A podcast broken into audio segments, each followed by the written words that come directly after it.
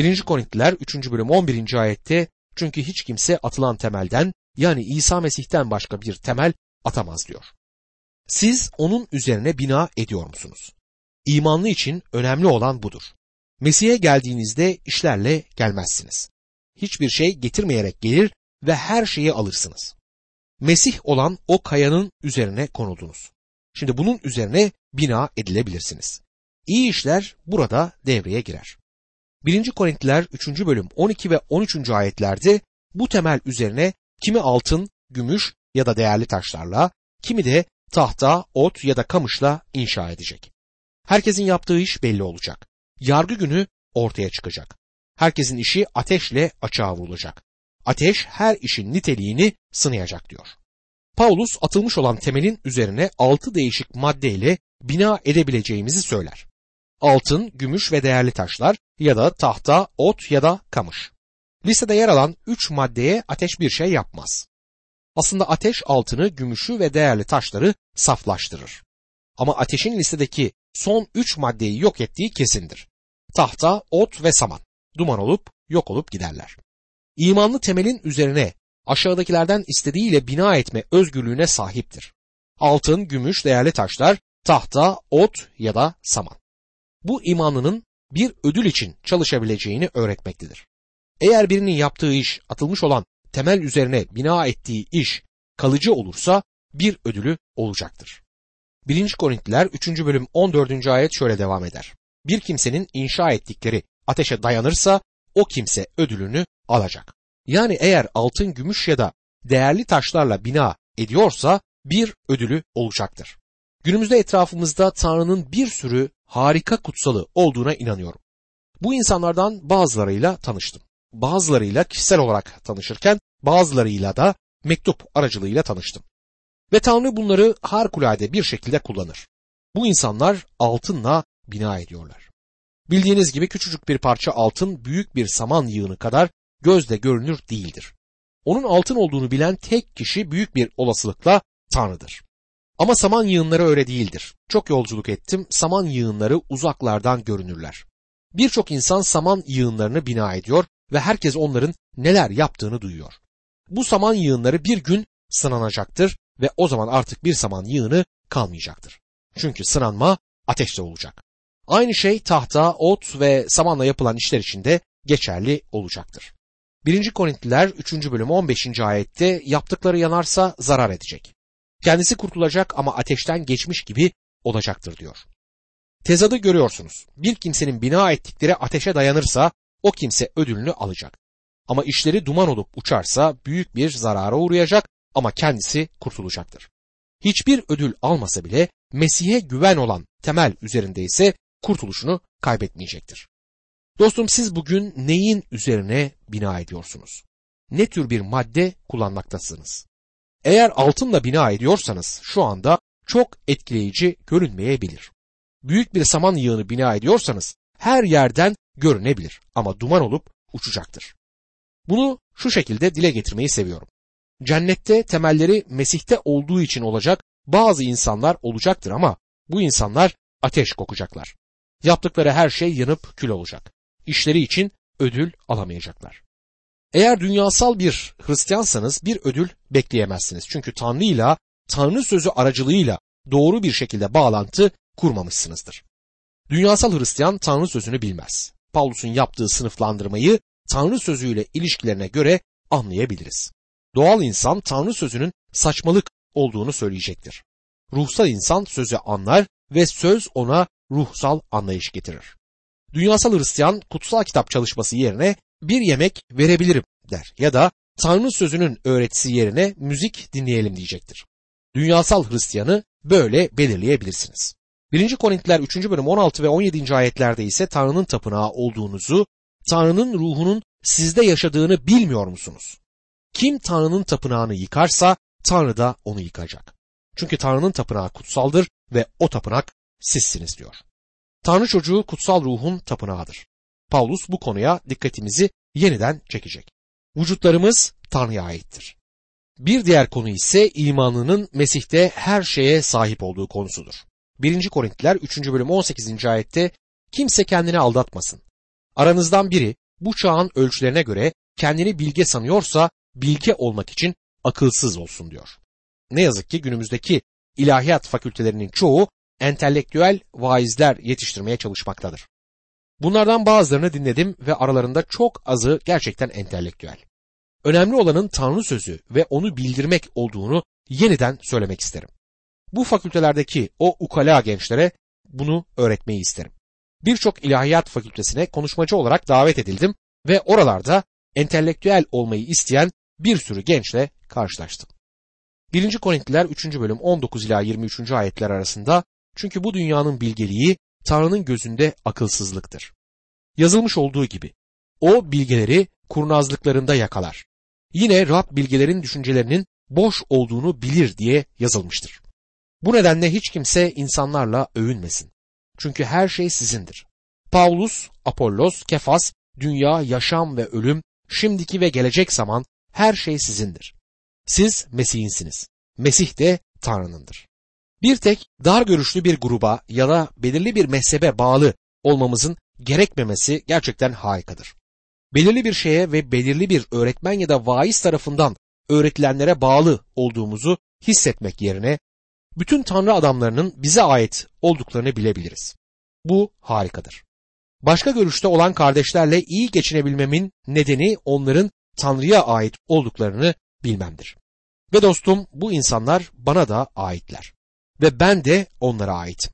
İsa Mesih olan temelin üzerinde diğer inanlarla birlikte Mesih'in kişiliği etrafında bir araya gelmek görkemli bir şeydir. 1. Korintiler 4. bölümde Mesih'in hizmetkarlarının durumunun ve tutumunun Hristiyan davranışlarını zorladığını görürüz. Bu Paulus'un Korint kilisesindeki ayrımları ve parti ruhunu ele aldığı son bölümdür. Bu bölümde Mesih'in hizmetkarlarının durumundan yani Hristiyan davranışlarını neyin ortaya çıkarması gerektiğinden söz eder. 1. Korintiler 4. bölüm 1. ayette böylece insanlar bizi Mesih'in hizmetkarları ve Tanrı'nın sırlarının kahyaları saysın diyor. Biraz durup bu harika ayete bakalım. Hepimiz Mesih'in hizmetkarlarıyız. Her inanlı Mesih'in bir hizmetkarıdır. Bazen bir cemaatin üyesi işte vaizimiz der. Umarım o kişi daha çok Mesih'in hizmetkarıdır çünkü Mesih'e karşı sorumludur. Ve siz de Mesih'in bir hizmetkarı olarak ona karşı sorumlusunuz. Hepimiz hizmetkarlarız. Durum hoşunuza gitse de gitmese de siz de bir vaizsiniz. Bunu söylediğim için bana kızmayın. Vaizlik ettiğim topluluğun yakınlarında yaşayan bir alkolik adam vardı ve çok inatçıydı. Harikulade bir Hristiyan olan annesiyle yaşardı ve annesi benden onunla konuşmamı rica etmişti. Bir gün onu sokakta yalpalarken gördüm ve onu çalışma odama götürdüm. Oturdu ve ben de kendisinin ne kadar kötü bir durumda olduğunu anlattım. Sözlerime tamamen katıldı. Sonra ona bir vaiz olduğunu biliyor muydun diye sordum. Bana vaiz olduğumu söylersen sana vururum dedi. Bana ayyaş ya da alkolik denilmesi beni rahatsız etmiyor ama vaiz denilmesinden hoşlanmıyorum. Ama hepimiz vaiziz. Ona söylediğim gibi bizler yaşamlarımızla bir mesaj veriyoruz. Yaşamınızla dünyaya ve etrafınızdaki insanlara bir şeyler söylemektesiniz. Bunun başka türlü olması mümkün değildir. Benim hayatım sizinkini etkiler ve sizinki de benimkini etkiler. Durum budur. Bu tür bir etkimiz var. Dostum eğer imanlıysanız Mesih'in bir hizmetkarısınızdır. Çevrenizdeki insanlara ne tür bir mesaj veriyorsunuz? Yakınlarınıza ve yaşadığınız bölgeye mesajınız nedir? Mesih'in hizmetkarlarının Tanrı'nın sırlarının kahyaları sayıldığına dikkat edin. Pavlus'un zamanında kahya evin sahibi için evin bütün işlerini yöneten kişiydi. Evin yönetimi ona aitti. Yiyeceklerden, giyeceklerden, her şeyden o sorumluydu. Evdeki herkese ihtiyaçları olan şeyleri o verirdi. Aynı şekilde Mesih'in bir hizmetkarı da Tanrı sözünü Tanrı'nın ev halkına vermelidir. Burada yine sır yani gizem sözcüğünü görüyoruz. Gizemlerin daha önce ortaya konulmayan ama şimdi bildirilen şeyler olduklarını hatırlayın. Sırlar doğal insan tarafından anlaşılmaz. Tanrı'nın şeylerini alıp bize gösterecek olan sadece Tanrı'nın ruhudur. Burada sır olarak sözü edilen şey aslında müjde yani Tanrı'nın sözüdür. Bizler Tanrı'nın sırlarının kahyaları olduğumuzdan bu sırları dağıtmamız gerekir. İsa Mesih Matta 13. bölümde gizemli benzetmelerini vermeyi bitirdiğinde onlara Matta 13. bölüm 51. ayette İsa bütün bunları anladınız mı diye sordu. Evet karşılığını verdiler diyor. Ama ben bu öğrencilerin o sırada gerçekten anlamadıklarını düşünüyorum. İsa Mesih bize kendisini anlayıp anlamadıklarını söylemez. O da onlara işte böylece göklerin egemenliği için eğitilmiş her din bilgini hazinesinden hem yeni hem eski değerler çıkaran bir mal sahibine benzer dedi. Matta 13. bölüm 52. ayette. Tanrı'nın sırlarının kahyasının da bunu yapması yani hazinesinden hem yeni ve hem de eski değerler çıkarması gerekmektedir. Bazen bir kutsal kitap çalışmasından ya da vaazdan sonra insanlar bana bu eski bir şey, bunu daha önce duymuştum diyorlar. Ben de ben yeni ve eski değerler çıkaran bir kahyayım diyorum. Bugün biraz eskilerden çıkardım. Hem yeni ve hem de eski şeyler çıkarmak benim görevim diyorum. Bu Tanrı'nın sırlarının kahyasının çağrısıdır ve bundan daha yüksek bir çağrı düşünemiyorum. 1. Korintliler 4. bölüm 2. ayette kahyada aranan başlıca nitelik güvenilir olmasıdır der. Kahyalarda aranan özelliğin güzel konuşma yeteneği ya da birçok armağana sahip olması değil, güvenilir olmaları gerektiğine dikkat edin. Bir gün büyük bir yeteneği ya da büyük bir armağanı olduğu için değil, ne yaptıkları ve onu nasıl yaptıklarından ötürü ödüllendirilecek birçok insan olacaktır. Bir kilise vaizi olarak yıllar önce her zaman güvenilir birkaç kişi olduğunu öğrendim. Onlara güvenebilirdim ve kim olduklarını, neye inandıklarını biliyordum. 1. Korintiler 4. bölüm 3 ve 4. ayetlerde sizin tarafınızdan ya da olağan bir mahkeme tarafından yargılanırsam hiç aldırmam. Kendi kendimi de yargılamıyorum. Kendimde bir kusur görmüyorum ama bu beni aklamaz. Beni yargılayan Rab'dir diyor.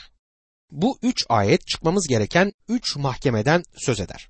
Biraz zor ayetler gibi görünseler de aslında öyle değiller. Sizin beni yargılamaya bir hakkınız olmadığını ve benim de sizi yargılamaya hakkım olmadığını çünkü her ikimizin de daha yüksek bir mahkemenin huzuruna çıkarılacağımızı bu ayet bize söyler. Birincisi alçak bir mahkemedir. Bu diğer insanların bizim hakkımızdaki düşüncelerinin mahkemesidir. Sizin tarafınızdan ya da olağan bir mahkeme tarafından yargılansam hiç aldırmam diyor. İngilizce'deki Phillips çevirisi bunu harika bir şekilde yorumlar. Ama aslında sizin ya da başka birinin benim hakkımda ne düşündüğü benim için önemli değildir der. Bu tam bir tercüme değildir ama iyi bir yorumdur. Bu çarpıcı bir cümledir çünkü Paulus sanki antisosyal biriymiş gibi görünebilir. Ancak Paulus başkalarının düşüncelerine karşı nasırlaşmış ya da onları küçük gören biri değildi. Kendilerini eleştirenler ona meydan okuduklarında elçiliğini, duygularını katarak savundu. Yalan dedikodular onu her zaman üzmüştü. Bu bölümde de bunlardan söz eder. 1. Korintiler 4. bölüm 11 ila 13. ayetler arasında şu ana dek aç, susuz, çıplağız. Dövülüyoruz, barınacak yerimiz yok. Kendi ellerimizle çalışıp emek veriyoruz. Bize sövenlere iyilik diliyoruz. Zulmedilince sabrediyoruz. İftiraya uğrayınca tatlılıkla karşılık veriyoruz. Şu ana dek adeta dünyanın süprüntüsü, her şeyin döküntüsü olduk diyor. Paulus'un başka insanların düşüncelerine karşı çok duyarlı olduğunu görebilirsiniz. Buna karşı hayatı boyunca insanların düşünceleriyle yönetilmiyordu. Başka insanların düşünceleri onun hayatının dümeni değildiler. Bundan hoşlansak da hoşlanmasak da hepimiz başkalarının yargı kürsüsünün önünde durmaktayız. Bu kaçınamayacağımız bir durumdur. Lincoln bu ülkede halkın düşüncesi her şeydir demişti. Ne yazık ki bu doğrudur. Başka insanların düşüncelerine uymak, düşmanlarımızın eleştirilerine teslim olma tehlikesi her zaman mevcuttur. Dünya sistemindeki mahkemelerin çoğu adalet yerine kalabalığın popülerliğini kayırıyor ve politikacıların da kalabalıkları kayırdığı kesindir. Bazıları ilkelere, onur ve isminin temizliğine teslim olur. John Milton asil bir kafa için en son hastalık ün sevgisidir demişti. Ne yazık ki günümüzde birçok insan ünün peşinde koşmaktadır. Başka biri ün bir buhar gibidir. Popülerlik bir rastlantıdır. Zenginler kanat takıp uçarlar. Bugün sizi alkışlayanlar yarın lanetleyecektir. Kalıcı olan tek şey vardır o da karakterdir demişti. Başka biri de çoğumuzun sorunu eleştirilerle kurtulmak yerine övgülerle mahvolmayı yeğlememizdir demişti. Korkarım bu da doğrudur. Paulus başka insanların düşüncelerine karşı duyarlı olduğu halde onların düşünceleri onun hayatını yöneten bir ilke haline gelmemişti.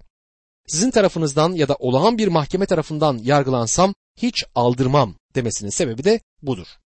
İkinci mahkeme daha yüksek bir mahkemedir. Bu kişinin kendi vicdanının mahkemesidir. Kendi kendimi bile yargılamam diyor.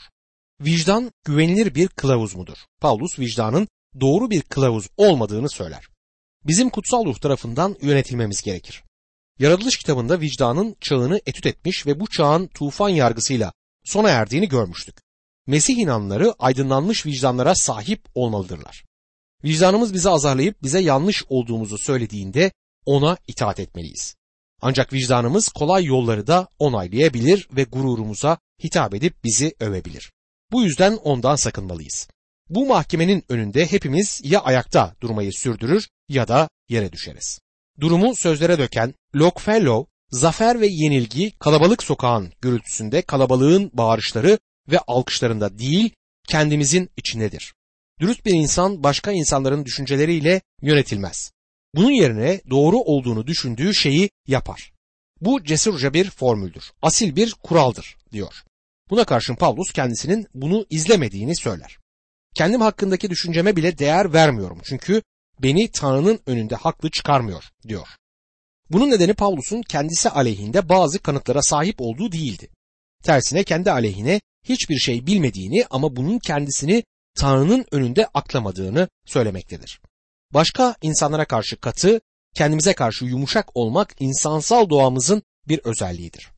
Davut'un sorunu da buydu. Başka birisindeki kötülüğü görebiliyordu ama kendi içindeki kötülüğü göremiyordu. Ya bizler, diğer insanlar boş şeylerden konuşup dedikodu ederlerken bizler dürüst müyüz? Diğer insanlar bir düşünceye sarılıp bu konuda kavgacı olduklarında bizler kendi inançlarımıza sarılma cesaretini gösterebiliyor muyuz? Diğerleri bölünmelere neden olup sorunlar çıkarttıklarında bizler doğru olan için ayağa kalkıyor muyuz? Diğerleri Tanrı'nın evini terk edip Rabbe sırtlarını döndüklerinde bizim iyi bir bahanemiz var mı? Kendimize karşı fazla sert olmaya yatkın olmadığımızı siz de iyi bileceksiniz. Kendimizi yönetici rolüne koymayı severiz ve genelde de bu rolü çarpıtırız. Hayır, kendimiz önünde ayakta durup düşmeyiz. Tanrı kendi vicdanımız olan bu ikinci mahkemenin kararını bozabilir. Üçüncü olarak da önüne çıkmamız gereken üçüncü bir mahkeme vardır. Bu mahkemede beni yargılayan Rab'dir. Bu en üstün mahkemenin bir tek yargıcı vardır.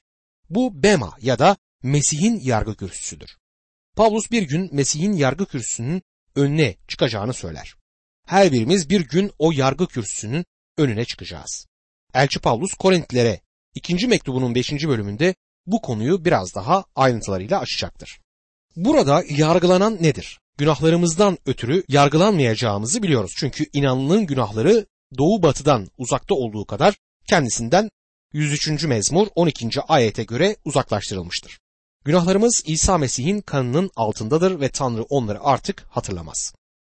İmanlı kahyalığı temel alınarak yargılanacaktır. Fiziksel olarak sahip olduğumuz her şey, bedenlerimiz, maddesel kaynaklarımız, yaptığımız parasal yardımlar işte bu yargı kürsünün önüne çıkarılacaktır.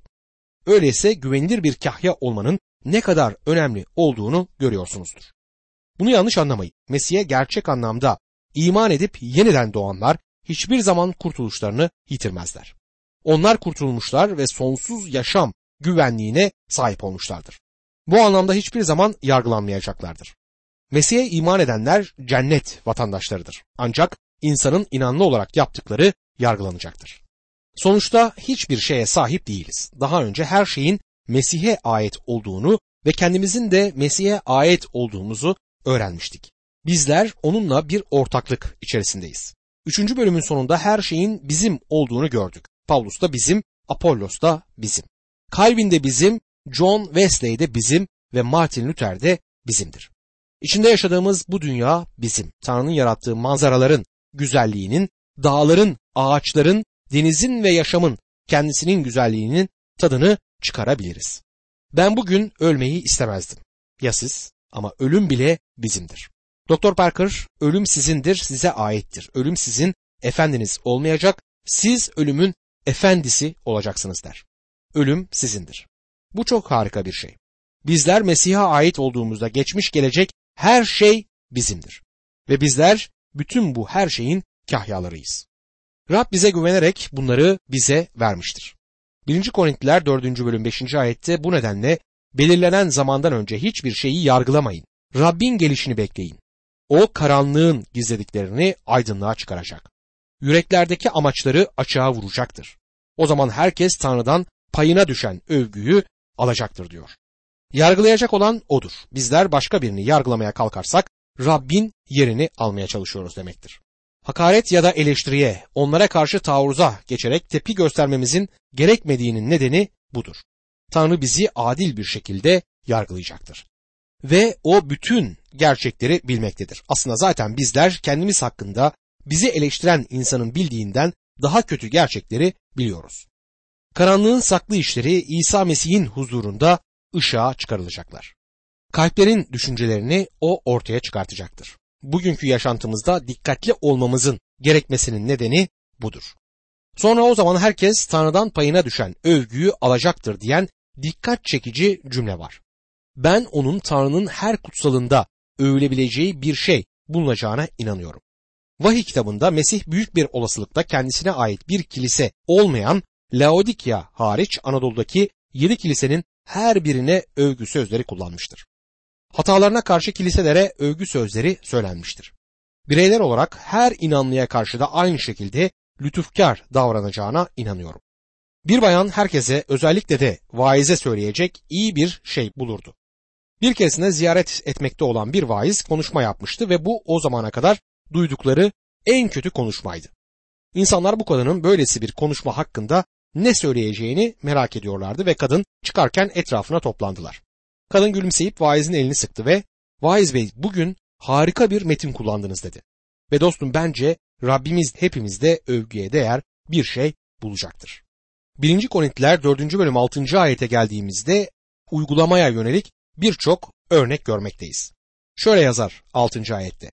Kardeşler bizden örnek alarak yazılmış olanın dışına çıkmayın. Sözünün anlamını öğrenmeniz için bu ilkeleri sizin yararınıza, kendime ve Apollos'a uyguladım. Öyle ki hiç kimse biriyle övünüp bir başkasını hor görmesin. Korint kilisesindeki sorunlardan birinin bölünmeler olduğunu hatırlayın. Bu yüzden şimdi Paulus bunu kendilerine bir örnek oluşturmak için kullandığını söyler. Paulus ve Apollos arkadaştılar. Her ikisi de Mesih'e aitti ve Mesih her ikisine de aitti. Her ikisi de armağanlarını kullanıyorlardı. 1. Korintiler 4. bölüm 7. ayette seni başkasından üstün kılan kim? Tanrı'dan almadığın neyin var ki? Madem aldın niçin almamış gibi övünüyorsun diye soruyor. Sizin bir armağanınız var mı? Gözle görülür bir armağanınız olabilir ama övünecek bir şeyiniz yoktur. Çünkü onu size Tanrı vermiştir. Armağanınızı yaratan siz değilsiniz. Bu yüzden övünmek yerine minnettar olmalıyız. 1. Korintiler 4. bölüm 8 ve 9. ayetlerde zaten tok ve zenginsiniz. Biz olmadan krallar olmuşsunuz. Keşke gerçekten krallar olsaydınız da biz de sizinle birlikte krallık etseydik. Kanımca Tanrı biz elçileri en geriden gelen ölüm hükümleri gibi gözler önüne serdi. Hem melekler hem insanlar için. Bütün evren için seyirlik oyun olduk diyor. Mesih inanlarının epey şehit verdiği o dönemde elçilerin bütün dünya için seyirlik bir oyun olduğuna dikkatinizi çekerim. Sadece dünya için değil melekler ve insanlar için de seyirlik bir oyun olmuşlardı. Ve bence de günümüzde bizlere çok uygun bir durumdur bu. Diğer insanlar çalıştılar dostum ve bizler onların işlerine girdik. Şimdi Paulus bizlere bu mektuba sahip olmamız ve şimdi onu okumanın tadını çıkarabilmemiz için neler gerçekleştiğini söyleyecek. 1. Korintiler 4. bölüm 10 ila 13. ayetler arasında şöyle yazar. Biz Mesih uğruna akılsızız ama siz Mesih'te akıllısınız. Biz zayıfız, siz güçlüsünüz. Siz saygıdeğer kişilersiniz, bizse değersiziz. Şu ana dek aç, susuz, çıplağız. Dövülüyoruz, barınacak yerimiz yok. Kendi ellerimizde çalışıp emek veriyoruz. Bize sövenlere iyilik diliyoruz. Zulmedilince sabrediyoruz. İftiraya uğrayınca tatlılıkla karşılık veriyoruz. Şu ana dek adeta dünyanın süprüntüsü, her şeyin döküntüsü olduk. Sizler ve ben Elçi Pavlus'un İsa Mesih'in müjdesini bildirmek için neler çektiğini hayal bile edemeyiz. Anadolu'ya müjdeyi bildirmişti.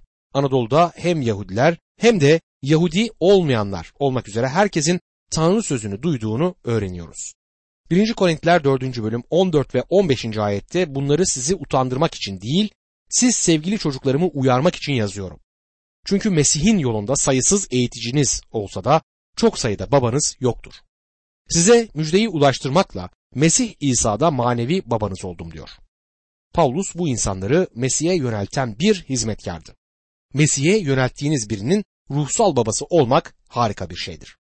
1. Korintiler 4. bölüm 17. ayette Rabbe sadık olan sevgili çocuğum Timoteus'u bu amaçla size gönderiyorum. Her yerde, her kilisede öğrettiğim ve Mesih'te izlediğim yolları o size anımsatacak diyor. Burada Pavlus'un Timoteus'a verdiği kişisel değeri görebiliriz. 1. Korintiler 4. bölüm 18 ila 20. ayetler arasında ise bazılarınız yanınıza gelmeyeceğimi sanarak küstahlaşıyor. Ama Rab dilerse yakında yanınıza geleceğim. O zaman bu küstahların söylediklerini değil, güçlerinin ne olduğunu öğreneceğim. Çünkü Tanrı'nın egemenliği lafta değil, güçtedir diyor. Paulus onların konuşmalarıyla ilgilenmediğini ama hayatlarında güç olup olmadığını bilmek istediğini söyler. 1. Korintiler 4. bölüm 21. ayette ise ne istiyorsunuz? Size sopayla mı geleyim?